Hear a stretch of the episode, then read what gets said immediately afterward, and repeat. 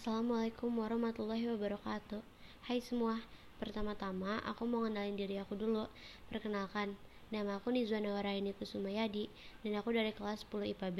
Hari ini aku mau ngebahas tentang nilai Pancasila dalam penyelenggaraan pemerintahan negara. Tapi sebelum itu aku mau nanya dulu nih Pancasila itu sebagai apa sih di negara kita? Pancasila di negara kita itu sebagai dasar negara bagi bangsa Indonesia. Nah, sejak Indonesia merdeka, Pancasila udah disepakati oleh leluhur kita sebagai pedoman dalam penyelenggaraan Indonesia. Jadi dia mempunyai nilai-nilai yang penting bagi bangsa Indonesia. Yang pertama yang mau aku bahas itu adalah pembagian kekuasaan negara. Pembagian kekuasaan negara itu terbagi menjadi tiga, yaitu legislatif, eksekutif, dan yudikatif ada legislatif yang bertugas untuk membuat atau merumuskan undang-undang dasar yang ada di sebuah negara. Anggota legislatif itu mencakup MPR, DPR, dan DPD. Lalu ada eksekutif yang beranggotakan presiden dan wakil presiden. Tugasnya adalah untuk menjalankan pemerintahan. Lalu ada yudikatif Lembaga yudikatif adalah lembaga negara yang tugas utamanya sebagai pengawal, pengawas, dan pemantau proses berjalannya undang-undang dasar dan juga pengawasan hukum di sebuah negara. Yudikatif ini beranggotakan Mahkamah Agung, Mahkamah Konstitusi, dan Komisi Yudisial. Yang mau kita bahas selanjutnya adalah nilai-nilai Pancasila dalam praktik penyelenggaraan pemerintahan negara. Dimensi tata nilai utama Pancasila dimensi tata nilai utama Pancasila itu ada tiga dimensi spiritual, dimensi kultural, dan dimensi institusional. Dimensi spiritual mengandung makna bahwa Pancasila mengandung nilai-nilai keimanan dan ketakwaan kepada Tuhan Yang Maha Esa sebagai landasan keseluruhan nilai dalam falsafah negara. Dimensi kultural mengandung makna bahwa Pancasila merupakan landasan falsafah negara, pandangan hidup negara, dan sebagai dasar negara. Dimensi institusional mengandung makna bahwa Pancasila harus sebagai landasan utama untuk menggapai cita-cita, tujuan bernegara, dan dalam penyelenggaraan pemerintahan. Dimensi spiritual Nilai spiritual dalam Pancasila tergambar dalam sila ketuhanan yang Maha Esa. Hal ini berarti bahwa dalam praktik penyelenggaraan pemerintahan tidak boleh meninggalkan prinsip keimanan dan ketakwaan terhadap Tuhan yang Maha Esa.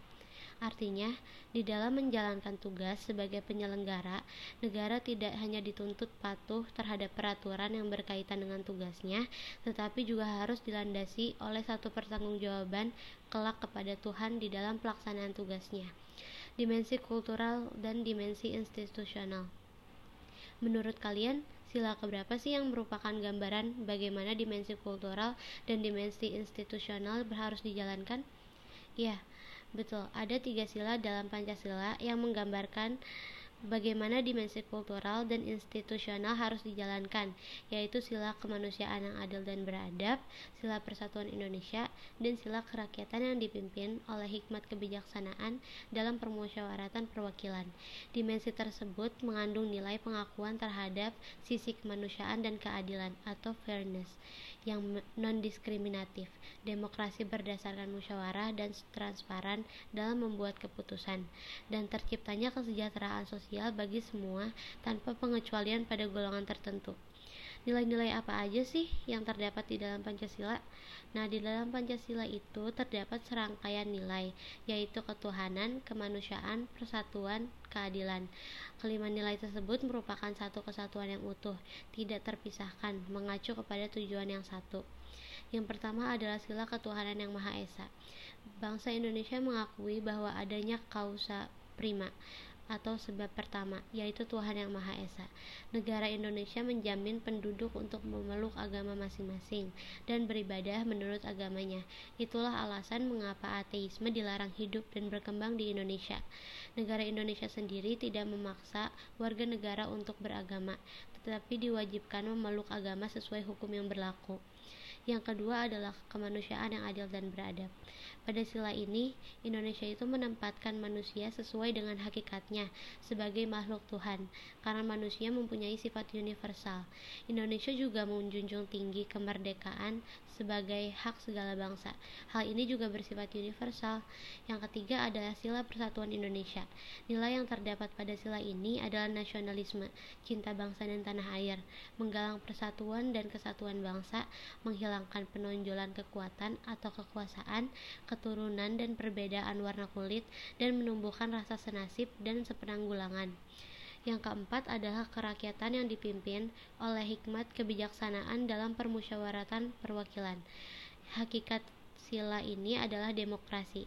Demokrasi dalam arti umum, yaitu pemerintahan dari rakyat, oleh rakyat, dan untuk rakyat. Permusyawaratan artinya mengusahakan putusan bersama secara bulat, baru sesudah itu diadakan tindakan bersama. Di sini terjadi simpul yang penting, yaitu mengusahakan putusan bersama secara bulat. Perbedaan secara umum demokrasi di negara barat dan di negara Indonesia yaitu terletak pada permusyawaratan rakyat dan sampailah kita pada sila kelima atau sila terakhir pada Pancasila yaitu keadilan sosial bagi seluruh rakyat Indonesia.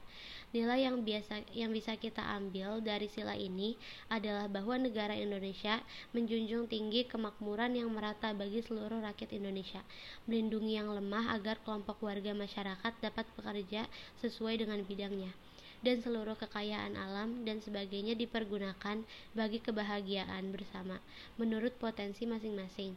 Sekian materi yang mungkin dapat saya sampaikan dalam podcast kali ini.